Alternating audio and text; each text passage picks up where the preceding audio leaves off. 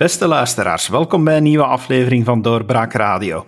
Het is tijd voor een politieke analyse en dat doe ik met mijn inmiddels twee bekende gasten, goede vrienden ook. Uh, welkom professor uh, en welkom uh, meneer Drabbe. Maar mijn vrienden noemen mij nooit professor. Maar goed, nee. dit geheel terzijde. Ja, ja, maar ik voel toch de warmte, waarvoor dank. ik, ik vind professor nog altijd zo'n lieve, warme titel, dus... Uh... Ja, ja, ja, dankjewel. Ja. Laten we ons meteen invliegen. Het politieke jaar is ook van start gegaan, dus wij moeten ons er ook weer in vastbijten. Uh, wat blijft er bij jullie hangen, heren, van die start? Um, als je de, de septemberverklaring bekijkt, dan denk ik dat de algemene analyse was, ja, hier staat een uh, Jan Jan Bon die de doorstart wil nemen, hè, die wil laten zien dat uh, hij en zijn regering tot heel wat in staat zijn. Heel voluntaristisch, heel ambitieus ook. Uh, ik denk dat de analyses van de septemberverklaring vrij unisono waren. Um, maar als het stof gaat liggen, ja, zijn er toch een paar rariteiten die blijven hangen. Zoals, um, ja, je moet blijkbaar 100 miljoen besparen op onderwijs, terwijl nog maar net daarvoor een, een CAO werd gesloten van 100, was het 150, 180 miljoen ongeveer, die orde. Dus dat, dat is een beetje bizar. Um, heel veel mensen vragen zich ook af, oh, ja, dat, dat, dat, dat zit vol met grote verklaringen, maar maakt dat dus allemaal heel concreet. Uh, dat, moet, dat moet dan nog blijken. Ik denk ook dat de budgettaire situatie van Vlaanderen, ja, die is natuurlijk helemaal anders dan federaal, maar toch niet super ambitieus is. Goed, ze gaan 900 miljoen euro besparen tot het einde van de legislatuur. Het tekort op Vlaams niveau is nu, op Vlaams niveau liever is nu 1,8 miljard. En dan moet dat teruggebracht worden in 2027 naar een break-even.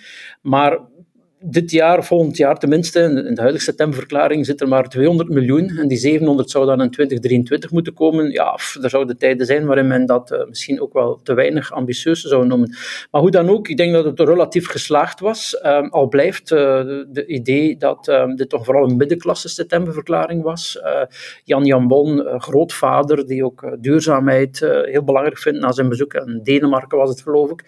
Um, in het oog springt registratierechten, maar ja, heel veel kritiek gekregen ook op die uh, vermindering van de verhoging van het basis uh, kinderbijslag, zal ik het nu maar in de oude terminologie noemen. Hè. Dus de kinderbijslag stijgt, maar minder fel dan eerst was uh, gezien, van 2 naar 1 procent. En de sociale toelagen blijven. Daar heeft hij toch heel veel tegenwind op gepakt, omdat het idee was, ja, die, die kinderarmoede, dat is geen prioriteit voor de Vlaamse regering. die kijkt vooral naar de middenklasse.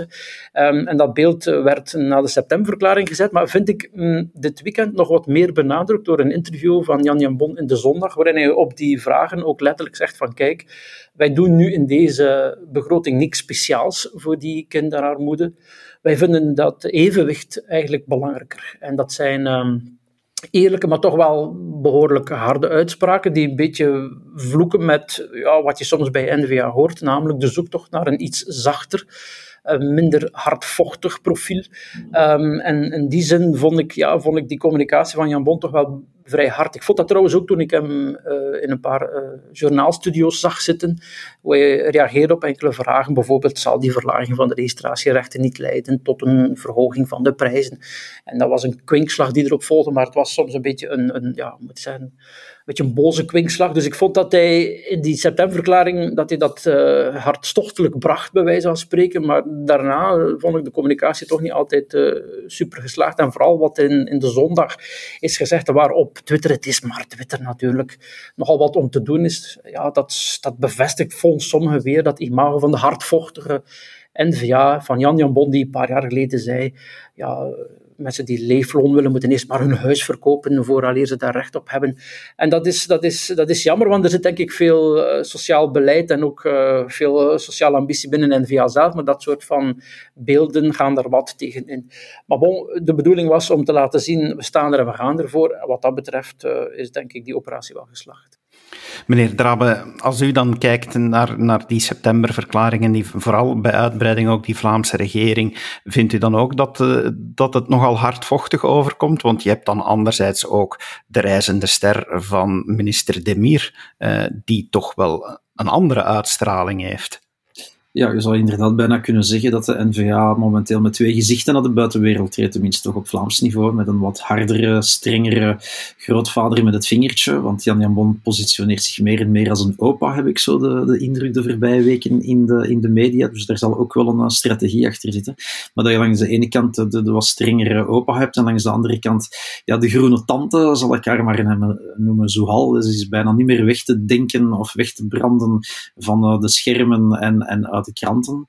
Uh, komt heel uitdrukkelijk naar voren als een, uh, ja, als een dame die weet wat ze wil en die ik ga niet zeggen de zachtere kant uh, van het politieke debat gaat opzoeken, maar toch wel door zich te focussen op die, die wat meer groene thema's aansluiting probeert te zoeken bij een, bij een wat ander publiek. Dus ik denk dat daar ja, de catch-all partij die de NVA toch wil zijn, uh, het is een politicologisch begrip, geen historisch, dus Karel de Vos mag mij daar zelfs, mag dat zo meteen corrigeren als dat niet zou kloppen, maar de catch-all partij die de NVA zou, uh, zou willen zijn, dat ze dat nu toch wel met die twee gezichten kan proberen afdekken vanuit die Vlaamse regering hè, wat strenger, laat ons maar zeggen, blauw of liberaler uh, figuur, beleid, uitspraken.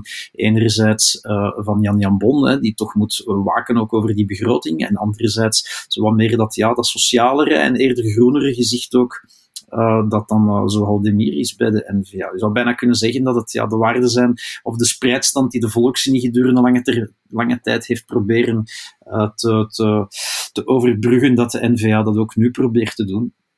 Waarbij dat ze inderdaad, Karel de Vos zei het al, eh, vooral oog heeft natuurlijk voor die middenklasse. En die middenklasse is vrij groot in Vlaanderen. Het is kwestie ook van die grote houden, van te vermijden dat die wat uit elkaar gaat rafelen.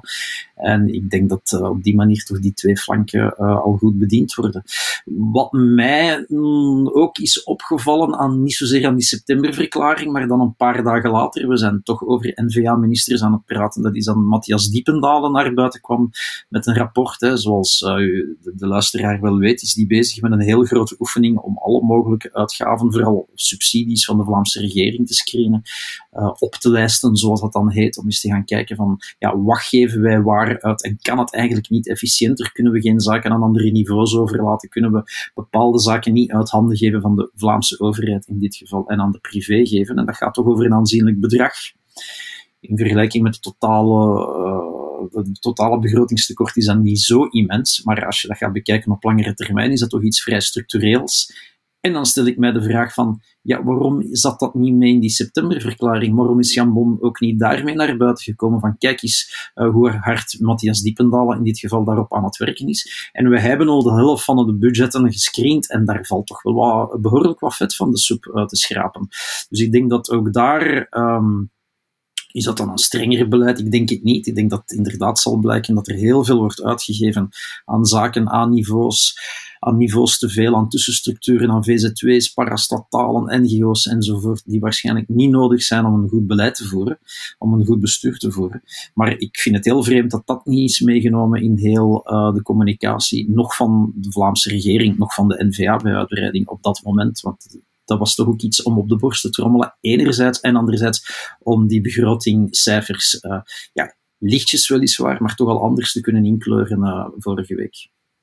Wat dat betreft, kleine aanvulling, dat klopt uh, wat Karel erop zegt. Uh, ik vond het opvallend en het is natuurlijk in het licht van al wat moet gebeuren en gebeurt een onooglijk minuscuul detail. Maar dat je als minister-president eigenlijk niet weet uh, hoeveel miljoenen er volgend kalenderjaar bespaard zullen worden, dat, dat, dat, dat, dat vond ik raar. Ik heb het over een interview bij Villa Politica, meteen na de septemberverklaring, omdat toen bleek, ja bon, het is 1,8 miljard nu en het moet met de helft gereduceerd worden tot het einde van de legislatuur. Dat is een traject van 900 miljoen. Wanneer, doe je, wanneer doe je wat? Hè? We hebben nog twee jaar te lopen ongeveer. Uh, en dan bleek ja, dat, dat hij, maar nog een aantal andere mensen niet wisten dat het blijkbaar om 200 miljoen volgend jaar zou gaan. Dat is raar. En dat sluit een beetje aan met wat uh, Karel Drabbe daarnet zegt. Ja, die, die begroting is er zo wat uh, apart gehouden. Ik denk dat men in die septemberverklaring vooral die, die, die, die inhoudelijke elementen wou brengen. Hè? De, de, de opa die naar de wereld wereld kijkt en, en de N-VA die de Vlaamse regering als een, een duurzame middenklasse regering wil zetten, dat men dat verhaal, de storytelling wil, wil mhm. brengen en dat men die budgettaire elementen daar wat uh, uit het oog verloren heeft. Dat zat dan later die dag in een aparte persconferentie waar dan de cijfers zouden komen. Dat is altijd een beetje een eigenaardige, eigenaardige dag, die septemberverklaring, waarbij eh, soms die, die cijfers eh, over de begroting wat uit die politieke verklaring worden gehouden en er dan urenlang on, onduidelijkheid is over wat er nu eigenlijk precies gezegd is. Um, maar ja, die, die, die Vlaamse brede heroverweging, ik weet niet of ik het juist heb, maar zo heet het geloof ik, die operatie van Matthias Diependalen. Matthias Diependalen, dat is natuurlijk een heel uh, interessante oefening, waarbij dat heel veel mensen zich wellicht terecht de vraag stellen, waarom is dat in Siemens-naam nooit eerder gebeurd? Hè? Een, een, een minutieuze screening lijn per lijn van alles wat Vlaanderen een kleine 50 miljard uitgeeft. Eh, kan, moet dat elke keer? Is dat goed besteed? Kan dat niet op een andere manier? Dat is eigenlijk uh, dat is natuurlijk prima dat dat gebeurt. In Nederland gebeurt dat uh, elk jaar, of, sorry, bij elke nieuwe regering doet men die oefening. Ja dus het is zeer goed dat dat gebeurt. Hè. Dus pluim voor, uh, voor deze regering en de minister die het doet. Maar het is, het is toch een beetje raar om vast te stellen dat dat nu pas voor het eerst op die manier. Eh, eerder zijn er nog oefeningen geweest, maar nooit zo uh, minutieus als men dat nu doet. Dus dat is een goede zaak en laten we maar hopen dat dat dan effectief ook jaar per jaar gebeurt. Hè. Professor, u heeft het al genoemd, de politieke storytelling, de middenklasse regering is dat, als we dat breder opentrekken naar het hele politieke toneelspel, is dat ook de setting die men doet op federaal niveau? Want daar lijkt de NVA dan toch wel net te zeggen, de federale regering is tegen de middenklasse. Dus die term duikt daar ook altijd weer op.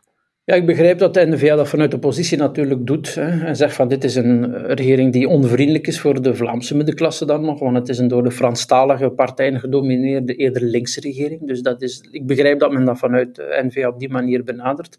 Wat de storytelling om het uh, ben niet zo, zelf niet zo'n fan van, van, dat woord, maar het bestaat nu eenmaal uh, precies zal zijn op federaal niveau. Dat moet eigenlijk blijken nog, dat het verhaal wordt nog geschreven. Zeg maar, uh, volgende week uh, dinsdag is het de federale beleidsverklaring en drie dagen later op 15 oktober moet de begroting bij Europa worden ingediend. En dan zijn alle details bekend.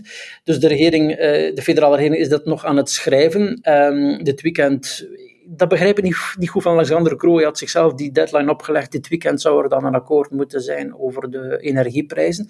Waar ten andere in eh, de septemberverklaring uh, ongeveer niks over gezegd is. Hoewel dat toen ook al vrij brandend actueel was. En je kan wel zeggen dat de meeste van die taxen enzovoort op het federaal niveau zitten. Maar dat je daar in de septemberverklaring ongeveer niks over zegt. Dat vind ik toch wel wel raar, maar zwart. Uh, dus dat, dat, dat verhaal moet nog geschreven worden. De, de, ja, de, de, de match is nog open. Hè. We zien wel wat er gebeurt. En de premier had gezegd, ja, zondagavond moeten we landen. Dat is natuurlijk niet gelukt, dat, dat, wist je al. Je wist dat dat niet kon, want er werden uh, voorstellen op tafel gelegd, energiecheck uh, 100 euro per, per uh, gezin, alleen die, die miljoenen kosten, terwijl men terzelfde tijd met de begroting bezig is. Dus, dus alles hangt aan elkaar. We hebben het hier eerder in deze podcast al gezegd, alles hangt aan elkaar en dat is nu ook gebleken. Waarom heeft men nu gezegd tot het einde van deze week?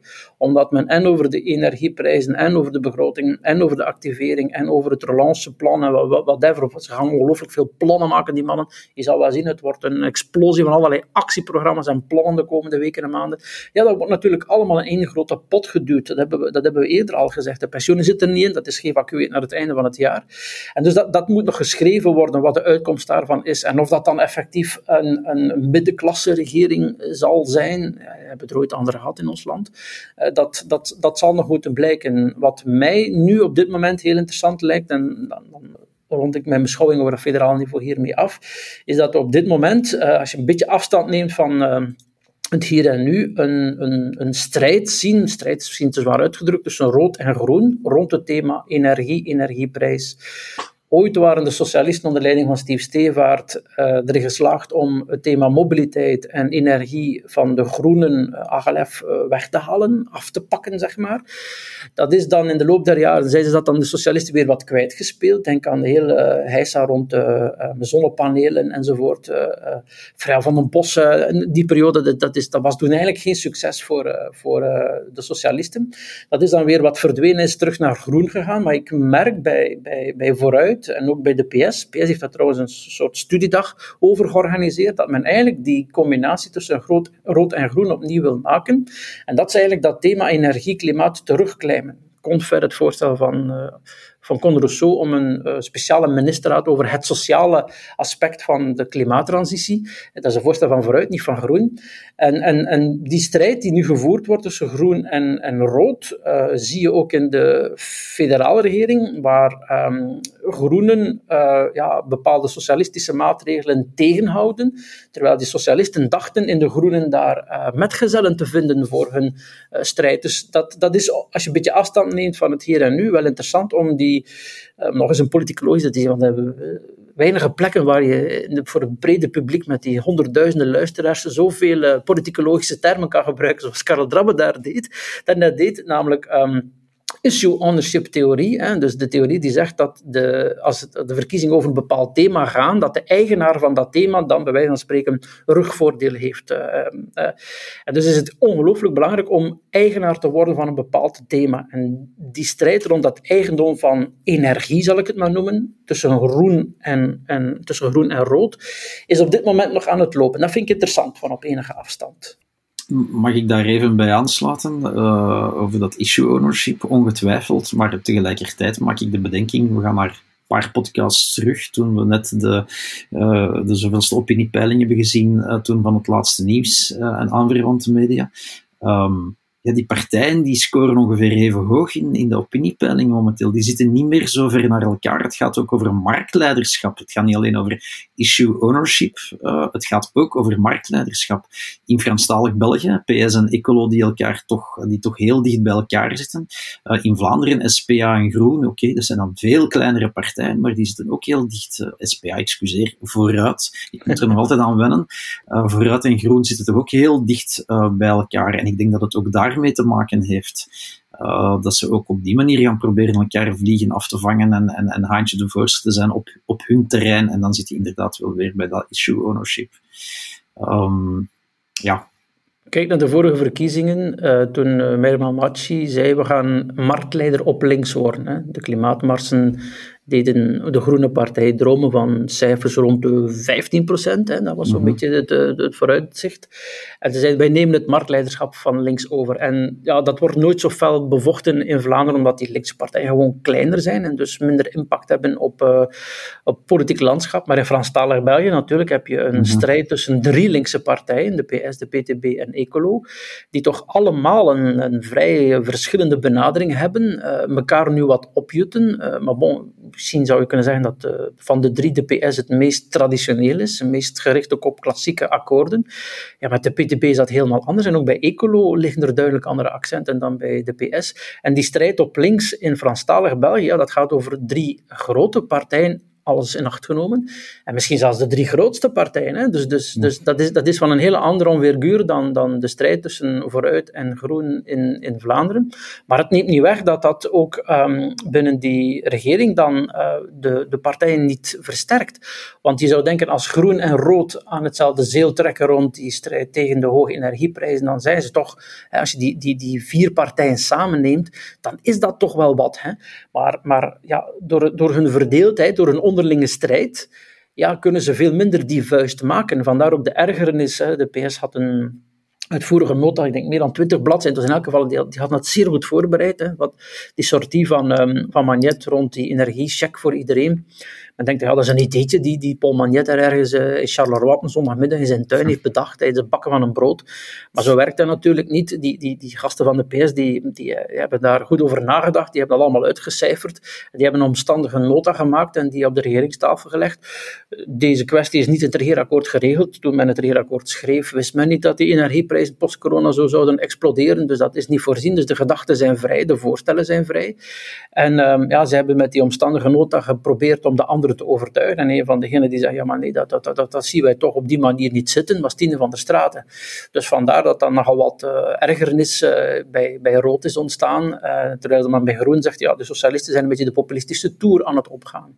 Um, en dat helpt natuurlijk, die, linkse, die verdeeldheid helpt die linkse partijen binnen de regering De Kroon niet.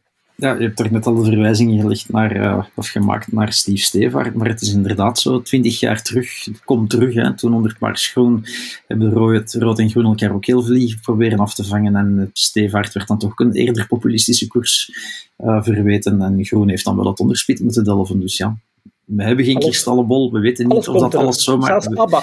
Ja. daar gaan we het niet over hebben, hè, want daar weet ik niks van. Ik behalve, dat, behalve dat die uit Zweden komen. Ehm, en dat daar ook verkiezingen voor de deur staan, dat dan weer wel. Maar dit volledig terzijde, uh, komt alles terug? Ja, het is nog vroeg natuurlijk. Hè. Uh, we moeten drie, allee, gaan nu de begroting voor volgend jaar uh, tegemoet. En de State of the Union van volgende week dinsdag. En dan zijn er nog twee jaren. En dan pas hebben we een electoraal jaar. Voor zover dat natuurlijk niet alle politieke jaren electoraal zijn.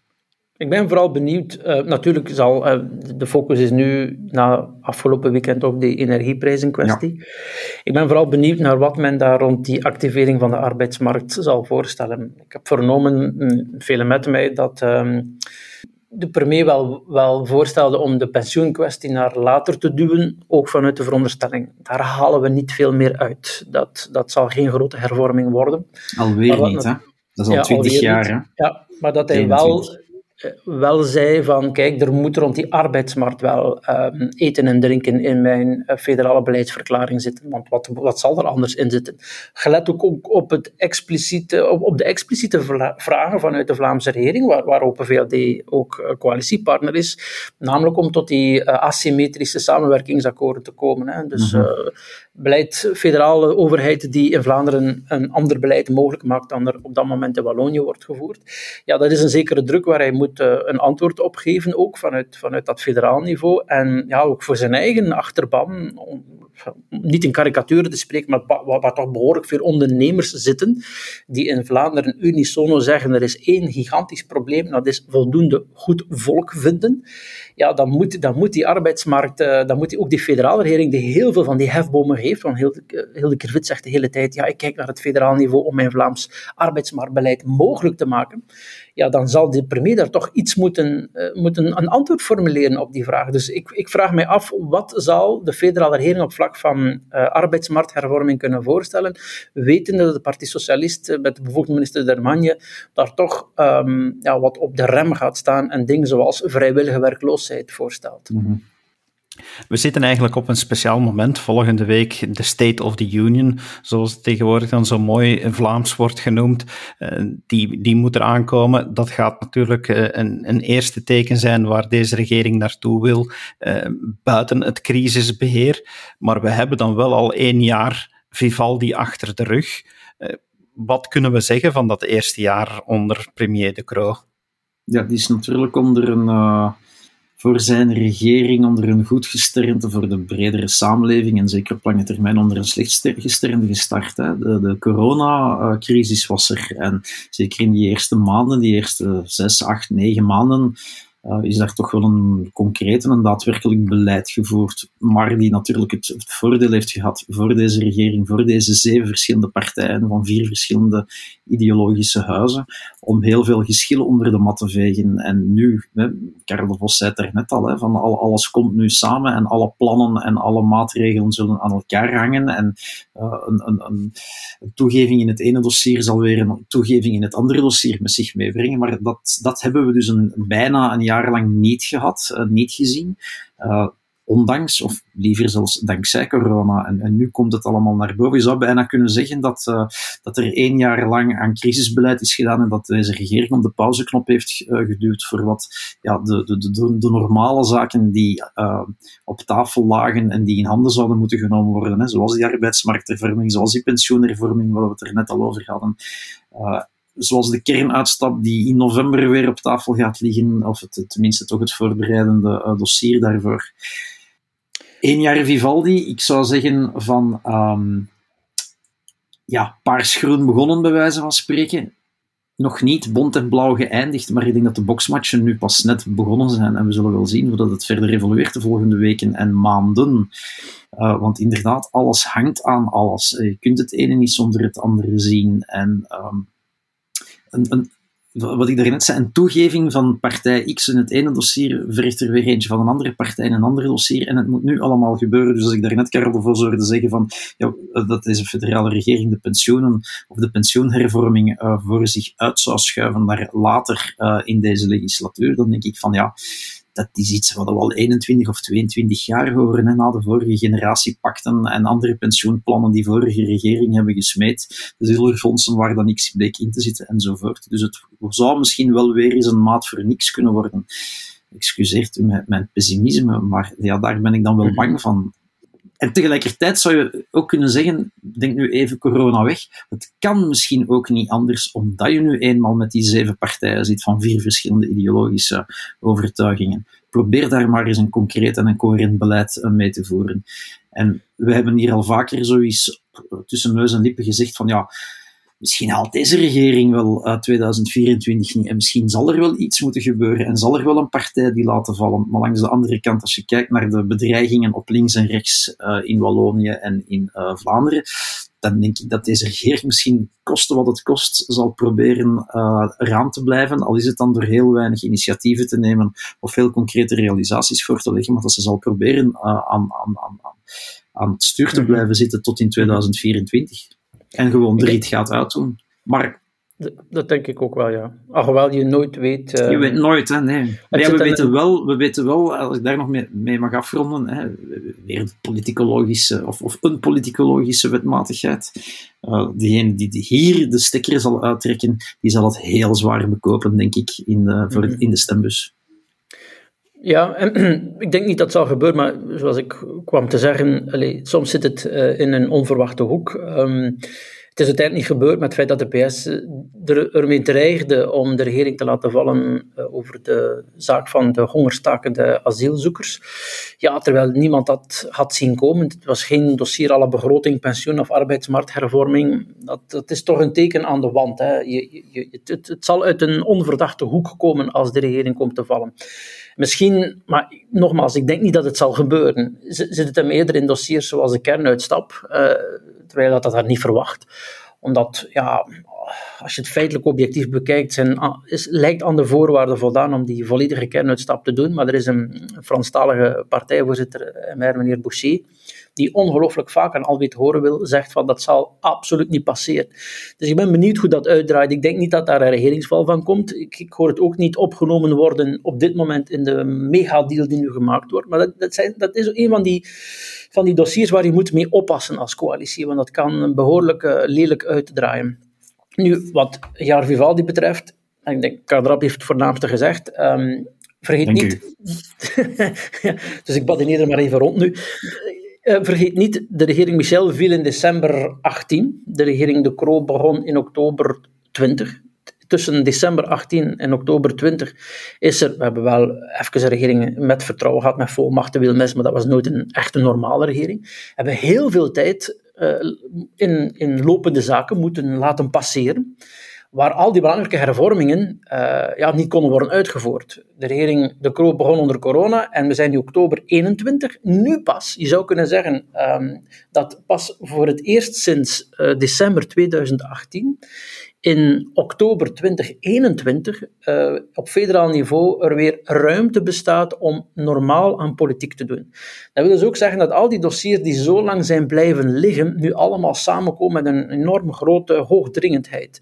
En als je de regering um, um, de Kroo bekijkt, eerste fase, coronabestrijding, ik denk al bij al vrij goed geslaagd. Er zijn zeker discussiepunten over uh, de manier waarop ze met democratie en liberale vrijheden is omgegaan. We hebben het hier vroeger vaak over gehad. Dat, dat blijft een, dat, blijft een, ja, een zwarte stip, zeg maar. Um, maar ik, ik heb uh, heel veel afgelopen weekend en sommige de weekend daarvoor uh, analyses over de regering De Croo gezien. En die waren vrij unisono. Dat, dat komt niet zo vaak voor. Het moet dus aan de regering De Croo liggen en minder aan die analisten. En de balans was, die, die, die, die, dat eerste jaar, dat viel eigenlijk best goed mee. Ze hebben dat eigenlijk best goed gedaan, die, die, die coronabestrijding. Wat eigenlijk maakt dat we op dit moment, ik vind het zeer moeilijk, als, als, ik heb die, die, die, die vraag ook vaak gekregen, hè, maak eens die balans op van de regering uh, De Croo, wat voor een regering is dat? Ik moet eerlijk zeggen, ik kan dat niet zeggen op dit moment. Waarom? Omdat die regering nu pas voor het eerst aan relatief normale politieke tijden toe is. En dus het afgelopen jaar was absoluut atypisch, abnormaal en laat ons niet toe om um, een onderbouwde analyse te maken van welk soort kabinet is dit, tot wat is in staat. Dat, dat zullen we over een jaar, als we die podcast uh, op, in, in oktober uh, 22 maken, naar aanleiding van de laatste echte beleidsverklaring van de premier. Want vergeet ook dat niet. we zijn nu mm oktober 20, nu komt de beleidsverklaring voor 20 Of sorry, voor 21, 22, excuus. We zijn nu 21, nu gaat het over het jaar 21, 22. In oktober 22 komt er nog eens zo'n verklaring voor het politieke seizoen 22, 23. En dan is het gedaan. Hè. In oktober 23 verwacht niemand nog veel uh, activiteit van de regeringen die in 2024 voor de moeder en moeder der verkiezingen staan. Dus er zijn nog twee politieke jaren waarin, waarin die regering echt het beeld kan zetten.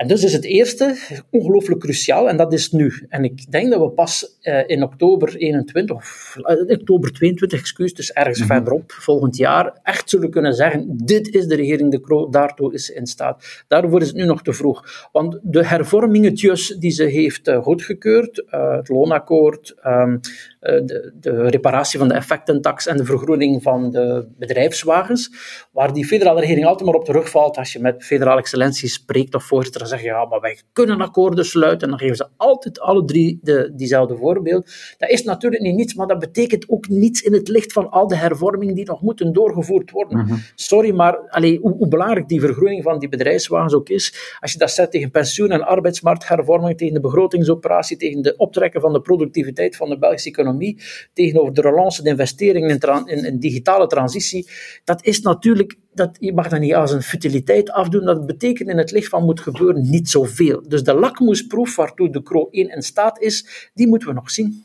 Ja, en wat begroting betreft, um, ik kan niet zeggen dat gaat op een sisser aflopen. Niet de begrotingspolitiek of de begrotingsplannen als zodanig, maar je ziet daar ook wel ja, de meest klassieke van de politiek, uh, ja, van de politiek politicien opduiken. Hè. Een paar weken geleden uh, kwam uh, begrotingsminister Eva de Bleker zeggen er moet 3 miljard bespaard worden. De PS zegt er op 1 miljard. En wat heeft de kroon nu naar voren geschoven? 2 miljard. dus, ja, een, een compromis. Compromisser. Ja, inderdaad compromisser uh, bestaat niet dan dat. Maar ja, ik, vrees een beetje dat andere projecten en andere plannen en andere akkoorden een beetje in dezelfde sfeer en binnen diezelfde bandbreedte zullen tot stand komen. Hè, als een compromis maar van een compromis snap, van een compromis. Ik snap hem wel. De premier heeft natuurlijk de premier heeft schrik van belastingen. Het regeerakkoord zegt dat er geen nieuwe belasting mogen komen. En dan een fantastisch zinnetje, die ik even parafraseer, tenzij dat voor begroting nodig is. Het is fantastisch. Ik vind dat een van de mooiste zinnetjes uit het regeerakkoord en een mooi voorbeeld van hoe je in een akkoord alles en niets tegelijk zegt. Hè. Er mogen geen nieuwe belasting komen, tenzij dat nodig is. Zo staat het er ongeveer in.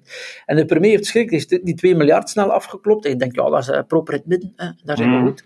Uh, en er is al uh, heel wat beslist in, bij de regeringsopmaak. Er is ook de inkomst van de effectentax, die men nu meerekent als uh, een nieuwe inkomst. Dus die, die 2 miljard, dat klinkt nogal, dat klinkt nogal veel. Nou, op het totaal tekort valt dat wel mee. Enfin, je moet het natuurlijk maar doen. Hè. We, we 21 miljard. Ja, hè, dus dan is twee, dat, dat, dat, dat klinkt ook niet als uh, een Copernicaanse budgettaire omwenteling. Maar goed, het is, het is lastig om het te doen, absoluut. Maar dat is eigenlijk in de praktijk uh, gesmolten tot een discussie rond de 900 miljoen, een klein miljard, omdat van een aantal andere dingen, dat, dat ligt eigenlijk al vast. Maar daar heeft hij natuurlijk niet gerekend, de Croo, op de 3,3 miljard nieuwe voorstellen die op tafel lagen. En dus wat, als je natuurlijk puur rekent met, met we gaan nu 2 miljard besparen, we hebben al een miljard en zoveel zit er al in in de begroting, hè, hebben al, met effectentax is al klaar. Maar de afgelopen weken, en het zal nog aangedikt zijn naar, naar vorig weekend, zijn er voor een dikke 3 miljard aan nieuwe ideeën gelanceerd. Natuurlijk, als je zegt, ja, we moeten dat ook meenemen, dan spreek je niet meer over een pot van, van 900 miljoen, dan spreek je over een pot van 3 miljard waarover moet gediscussieerd worden. Meer zelfs, als ik me niet vergis, zit daar de lening, de federale lening aan het Waalse gewest nog niet in van die 1,2 miljard. Ja, maar dat is officieel natuurlijk een lening die terugbetaald gaat worden. Ja, ja. Uh, ja, dus, dus officieel heb je daar eigenlijk geen verlies op. Heb je daar de normale marktrente. Ja. Al ja. weet jij even goed als ik dat in 2024 de voorzitter van de Franstalige partijen zullen zeggen, als onderdeel van de staatshervorming die dan onderhandeld wordt, ja.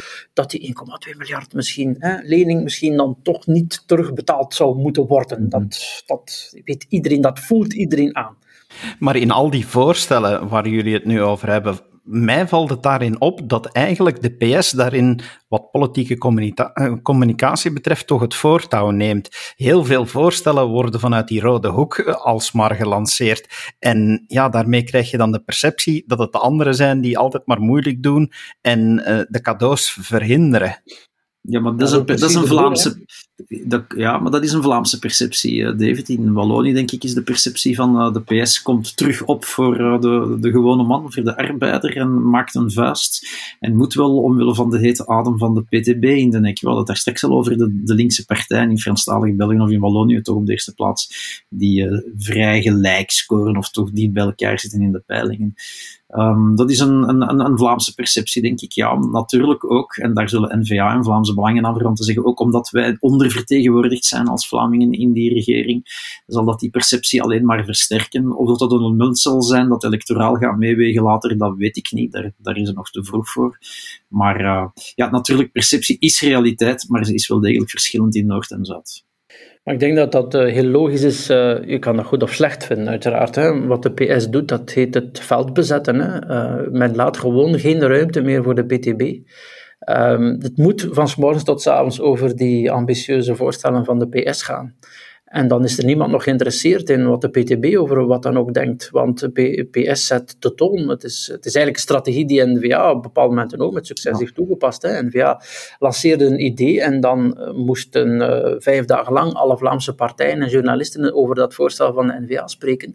En de vrijdag werd dat dan afgerond en in het weekend kwam er een nieuw met een, een nieuw weekendinterview. En zo ging dat maar door. Dat is wat de PS nu ook uh, probeert te doen en tot nu toe vrij succesvol. Je houdt dat natuurlijk geen jaren vol, maar het idee dat de PS probeert op te komen voor ja, de, de, de, de gemiddelde Waal, en dan zeker die, de Walen die het niet goed hebben, dat is, dat is het beeld dat ze willen zetten. Hè. Met andere woorden, de, de PTB, dat zijn wel uh, roepers in de storm, maar, maar die kunnen rond de tafel niks realiseren. Het risico van de PS is natuurlijk bij de PS, als ik daar met mensen spreek, dan zeggen ze ja, onder, als, als onze voorstellen worden afgewezen, dan is ook duidelijk dat we het geprobeerd hebben en dat uh, anderen, de liberalen zijn dat dan, hè, dat is dan de, de, de, de, oude vijand die weer helemaal naar boven komt. Trouwens, interessant uh, interview, enfin ik weet niet, het was een fragmentje op, uh, op sociale media waar, waar Paul Magnet zei dat hij droomt van een regering zonder liberalen. Hè. Dat is natuurlijk op zich geen geheim. Ehm, maar dat klinkt ook raar als je in een regering zit met liberalen, waar de as toch blauw-rood is, de as van deze regering is toch paars, dat je dan op datzelfde moment zegt, ik droom eigenlijk van een regering zonder liberalen, dat moet toch als friendly fire overkomen bij de anderen. Uh, en dus die PS die zit de hele tijd eh, te lanceren en dan zegt ze, ja kijk, dat zijn de liberalen die dat tegenhouden, hè, of dus N-VA zit er niet in, dus dat kunnen ze niet als argument gebruiken. Dat werkt een zekere tijd, maar als je natuurlijk niks voldoende binnenhaalt, dan zal je ook in Franstalig België, ook niet als de partij die wel in tegenstelling tot de PTB dingen rond de tafel realiseert, overkomen. En vergeet niet, het is de PS die in een aantal interviews, ik vond dat de meest duidelijke rond-interviews ergens in september. Daar Manje, Dermin, mhm. Magnet, alle, alle drie zeiden ze, hey, mannetjes, de PS is wel de grootste partij van die regeringen. En by the way, de socialisten zijn de grootste familie van die regeringen. Dus wij hebben ons nu in corona het voorbije jaar wat kalm gehouden, want bon, het waren drie Vlamingen die aan zet waren, maar nu is het gedaan en nu is het onze tour. Hè. En dus die, die, die boodschap, dat, dat, dat, allee, dat zijpelde onvoldoende blijkbaar binnen bij een aantal mensen, die dan zeer verbaasd waren over het offensief van de PS.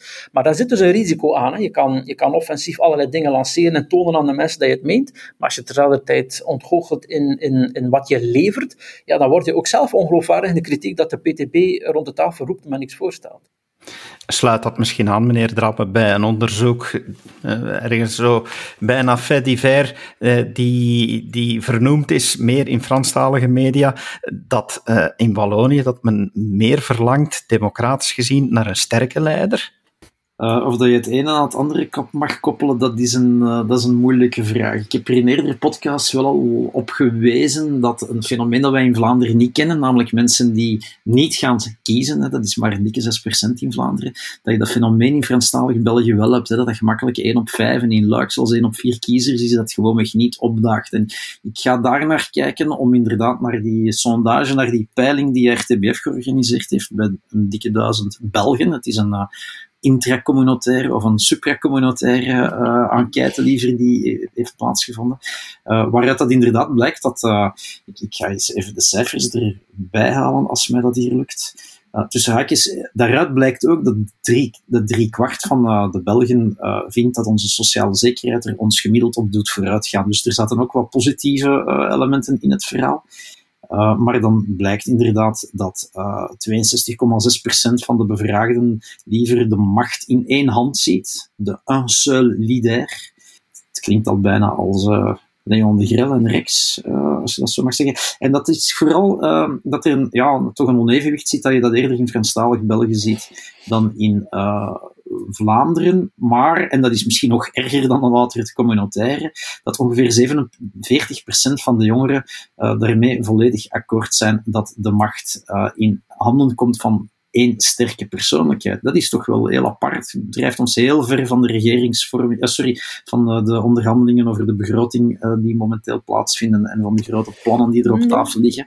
Nee, maar, maar als ik nog even mag, ja, ja, ik weet waarom je zegt waarom niet. Natuurlijk omdat ook deze podcast, hè, wij focussen natuurlijk op de problemen die er zijn tussen partijen, tussen politici, tussen voorzitters, tussen voorzitters en partijen in de regering, tussen meerderheid en oppositie. We gaan kijken naar opiniepeilingen, we zien een versnipperd landschap, we vergroten dat uit. Journalisten doen dat uiteraard ook. En in alle praatprogramma's en, en, en kranten gebeurt dat. Um, de kiezer, de lezer, de kijker, die merkt dat ook. En die ziet toch ook wel ja, een beleid van zeven partijen, hè, vier ideologieën, ik heb het daarnet al gezegd. Een vorige federale regering die toch ook niet echt een, een stevige deuk in een pakje boter heeft kunnen rijden. We zien zowel besluiteloosheid, we zitten met heel wat culturele breuklijnen, waar we het vroeger ook al over gehad hebben. De culture war rond de woke-beweging, discriminatie. Vorig jaar de Black Lives Matter. We leven in zeer vloeibare tijden en ik denk dat mensen inderdaad wel op zoek zijn naar zekerheden. En ze kunnen die niet meer halen bij de oude klassieke instellingen zoals we die vroeger kenden, uh, zoals de kerk bijvoorbeeld. Uh, we zien dat onderwijs nog goed scoort in allerlei peilingen als het gaat van, als, men gaat kijken in wie of waar dat uh, de burger nog vertrouwen heeft. Politici en journalisten hebben amper, krijgen amper vertrouwen. Dus dan kun je inderdaad wel begrijpen dat mensen snakken naar ja, concreet leiderschap, mensen die beslissingen nemen, die, die woorden bij de daden voeren enzovoort. Maar in onze dubbeldemocratie is dat moeilijk natuurlijk, ja, omdat eender welke beslissing met impact voor het hele land, ja, die moet je twee, drie keer gaan maken, hè, langs elke kant van de taalgrens, en dan die nog eens gaan samenzitten, en dan duurt het inderdaad heel lang om regeringen te vormen. Dan wordt het heel moeilijk om nog uh, gezamenlijk uh, conclusies te trekken en laat staan een, een, beleid te voeren dat een heel duidelijke keuze maakt omwille van die versnippering over ideologieën en over de taalgrens heen. Om nu te gaan zeggen van we gaan alles herfederaliseren. Ja, als je alles in één hand wil duwen, dan ga je dat wel moeten doen. Maar uh, ik vond het toch wel opvallend uh, om te zien dat het ja, uiteindelijk twee derde, twee derde van de bevolking toch snakt naar Mm Heel concreet uh, leiderschap. We willen dat allemaal natuurlijk, dat er beslissingen worden genomen en dat er wordt maar geleefd. En dat we daar allemaal beter van worden. Vandaar ook dat ik begon met die cijfers van de sociale zekerheid. Maar het is toch wel opvallend dat daardoor ook heel veel mensen, behalve hoger opgeleide en de senioren, misschien mensen die nog de naweeën van de Tweede Wereldoorlog hebben meegemaakt, dat zij eigenlijk de enige vurige verdedigers zijn van de democratie zoals ze bestaat. En dat de anderen met Churchill zeggen van ja, het is het beste van de, of het slechtste van de, hoe, hoe zei het ook alweer? Het slechtste van de, het minst. Het slechte van alle systemen. Het minst slechte, ja, zo is het. Uh. Ja. Maar ik vond die cijfers uh, uh, aan de ene kant begrijpelijk, aan de andere kant ook onrustwekkend. Um, al moet dat ook genuanceerd worden, begrijpelijk. Ja, we komen uit een toch ontwrichtende crisis, de pandemie, levensbedrijf, de coronacrisis. Als je dan specifiek naar België kijkt, zoals ik daarnet gezegd heb, hebben we nog een hele lange onstabiele periode gehad nog voor die crisis, maar lange formatie, ook een lelijke formatie. Dan corona, na corona, ik weet niet wanneer de peiling precies uh, afgenomen is, maar na corona, ja, met de politieke rondreed, of veel versnippering over wat er nu moet gebeuren. Ja, ik begrijp dat mensen die dat bekijken denken van, jongen, met, met dit systeem halen we dat niet. Vooral niet omdat corona um, pedagogisch bijzonder interessant was, omdat dat is een, een mondiale pandemie geweest. Dus je kon heel goed zien hoe andere landen en andere regimes daarmee omgingen. En in termen van efficiëntie ja, is er weinig dat uh, bijvoorbeeld het Chinese systeem verslaat. Want daar heeft men in Peking gezegd, jongens, die, die stad doen we dicht en al die burgers, dat zijn er miljoenen, blijven binnen en die gaan niet meer naar kantoor en that's it. Dat werd in een minuut of vier, vijf bij wijze van spreken beslist. Bij ons uh, gebeurt dat in een overlegcomité, dat wordt dan een week lang uh, opgewarmd. Honderd partijen zeggen daar dit en dat over, en komt dan in ingewikkelde regels die in een MB moeten verschijnen enzovoort. Dus ik heb ook tijdens die coronacrisis heel veel mensen gehoord die zeiden, ja, wij missen een, wij missen een sterke leider die dat hier als crisismanager in de hand neemt en gewoon met twee, drie pennen trekken heel die pandemie beheert. Dus ik begrijp dat wel, dat mensen na die toch wel ontwrichtende periode hoor, maar dat niet onderschatten, uh, zo denken. Um, maar het is natuurlijk verontrustend als zoveel mensen zo over de democratie denken. Want je moet een onderscheid maken tussen de steun voor democratische instellingen enerzijds en de steun voor democratie anderzijds. Mhm, de steun voor democratische instellingen is bij ons altijd eerder laag. Helemaal onderaan staan partijen. Als je mensen vraagt, geeft u vertrouwen in politieke partijen, dan is dat wat? 10% ongeveer, afhankelijk van het specifieke onderzoek. Regering, parlement, administratie, justitie enzovoort, die staan ook soms wat lager. Maar mensen die ook niet al te veel vertrouwen hebben in politieke instellingen of democratische instellingen, zeggen dan vaak wel, maar het systeem als dusdanig is wel oké. De democratie is goed, alleen wordt het bij ons wat minder goed uitgewerkt. Het draait bij ons, hoe de democratie vorm krijgt, dat draait niet goed. Maar de democratie is uh, veruit het, het verkieslijk systeem. Als natuurlijk in zo'n onderzoek blijkt dat vooral bij jonge mensen, maar niet alleen bij hen. Grote groepen zeggen niet, niet alleen de manier waarop wij democratie vertalen deugt niet, maar democratie als dusdanig op zichzelf is als uh, fundamenteel principe eigenlijk niet, uh, niet zo goed. Dat is pas zorgwekkend. Waarom zeg ik in het begin, maar valt ook te nuanceren, omdat we weten uit onderzoek dat dat soort van cijfers fluctueren. Er zijn een aantal mensen, um, een beetje vanuit een pessimistisch, defetistisch oogpunt, die, zeggen, hè, de wereld gaat naar de kle. Uh, vroeger was er veel vertrouwen en dat neemt gestaag af, uh, jaar na jaar, generatie na generatie, en het zal ooit bij min eindigen. Wel, zo werkt het niet er zijn periodes waarin het vertrouwen stijgt en er zijn periodes waarin het vertrouwen daalt. En als je in een uh, daalperiode zit, moet je niet denken dat het einde van de wereld in zicht is, dat het alleen maar kan leiden tot minder vertrouwen. Je kan dat keren. En dat was die die ik daar maakte toen Karel zijn uiteenzetting hield over de link met wat er nu op federaal niveau gebeurt. Er is inderdaad een link. Hè. Als je met de regering erin slaagt om... Um, weliswaar veel debat, maar toch met, met doortastend duidelijke maatregelen te komen. Je legt die goed uit. Je tekent het pad uit waar je heen gaat. Je laat dan de mensen zien dat het systeem kan deliveren, om het in het mooi Nederlands te zeggen. Dan zal dat wantrouwen niet plotsklaps omslaan in uh, applaus, maar dan werk je aan een strategie om dat wantrouwen te verminderen en dat vertrouwen te herstellen. Dus dat, komt, dat, dat, dat hoeft niet alleen tot kommer en kwel te leiden. En die cijfers die Carlos citeerde bij jongeren zijn, zijn heel hoog, hè, 47 procent dat hangt een beetje samen met, met het feit dat jonge mensen vaak op, ook op andere thema's wat meer geprononceerd zijn, wat meer uitgesproken zijn en dan soms wel wat radicalere standpunten innemen. We kunnen maar... hopen dat in de loop van hun uh, levensloop dat, dat, dat, dat die visie wat herzien wordt. Maar het is natuurlijk erg, ik vind het erg om te horen dat bij zoveel jonge mensen er zo weinig waarde gehecht wordt aan het minst slechte systeem dat we hebben. Maar als ik daar toch één ding mag bij aanvullen, van ja, oké, okay, het is een... Het, het, gaat toch bij eentje, dat is natuurlijk een wetmatigheid, hè, dan pessimisme en geen geloof in, het gaat allemaal naar de kle, hè, entropie enzovoort. Maar even vergelijken, in 2018 is er een gelijkaardige studie geweest en toen was het een vierde van de jongeren tussen 18 en 23 die niet in de democratie geloofde en een autoritaire leider uh, verkiest. Vandaag is het 47% Op drie jaar tijd uh, 50% Dat zeg ik, het, dubbele, hè? Het dubbele, hè? Ja. Dat is absoluut dat, is, dat is immens. Dat is immens, maar vandaar dat ik ook zei, als je de periode bekijkt, hè, waarin die voorbije drie jaar, wat hebben we meegemaakt die voorbije drie jaar, dat is dus niet niets. Hè die pandemie, die ook veel schoolgaande kinderen die thuis uh, opgesloten werden hè, en, en, en die waarschijnlijk ook zien, horen, misschien van thuis ook horen, wat een zootje is me dat hier, die pandemiecrisis. Uh, ik wil maar zeggen, we hebben, en het is niet dat ik, die cijfers zijn hard en ik vind ze onrustwekkend, maar um, het, het, als je het een beetje in de context plaatst, hoeft het niet te betekenen dat het alleen nog slechter kan gaan en dat het systeem reddeloos verloren is. Tenminste, dit is een oproep eigenlijk aan politici om om goed te doen, om beter te doen en om dat vertrouwen op te bouwen. Ik denk dat we voornamelijk moeten besluiten dat we dringend zo'n onderzoek moeten doen naar deze podcast. Maar ik ben ervan overtuigd dat het vertrouwen in Drabbe en de Vos enorm groot zal zijn. En dat er heel veel mensen zouden zeggen van laat die twee maar het land leiden en het zal een stuk beter worden. Oei, Ja, Met deze bouwde eh, eh, eh, veronderstelling neem ik afscheid van jullie. Dankjewel meneer Drabbe, meneer de Vos. Graag gedaan.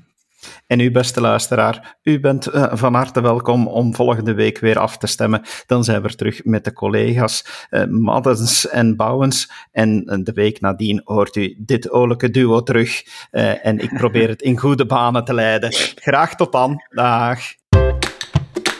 Dit was een episode van Doorbraak Radio. de podcast van doorbraak.be.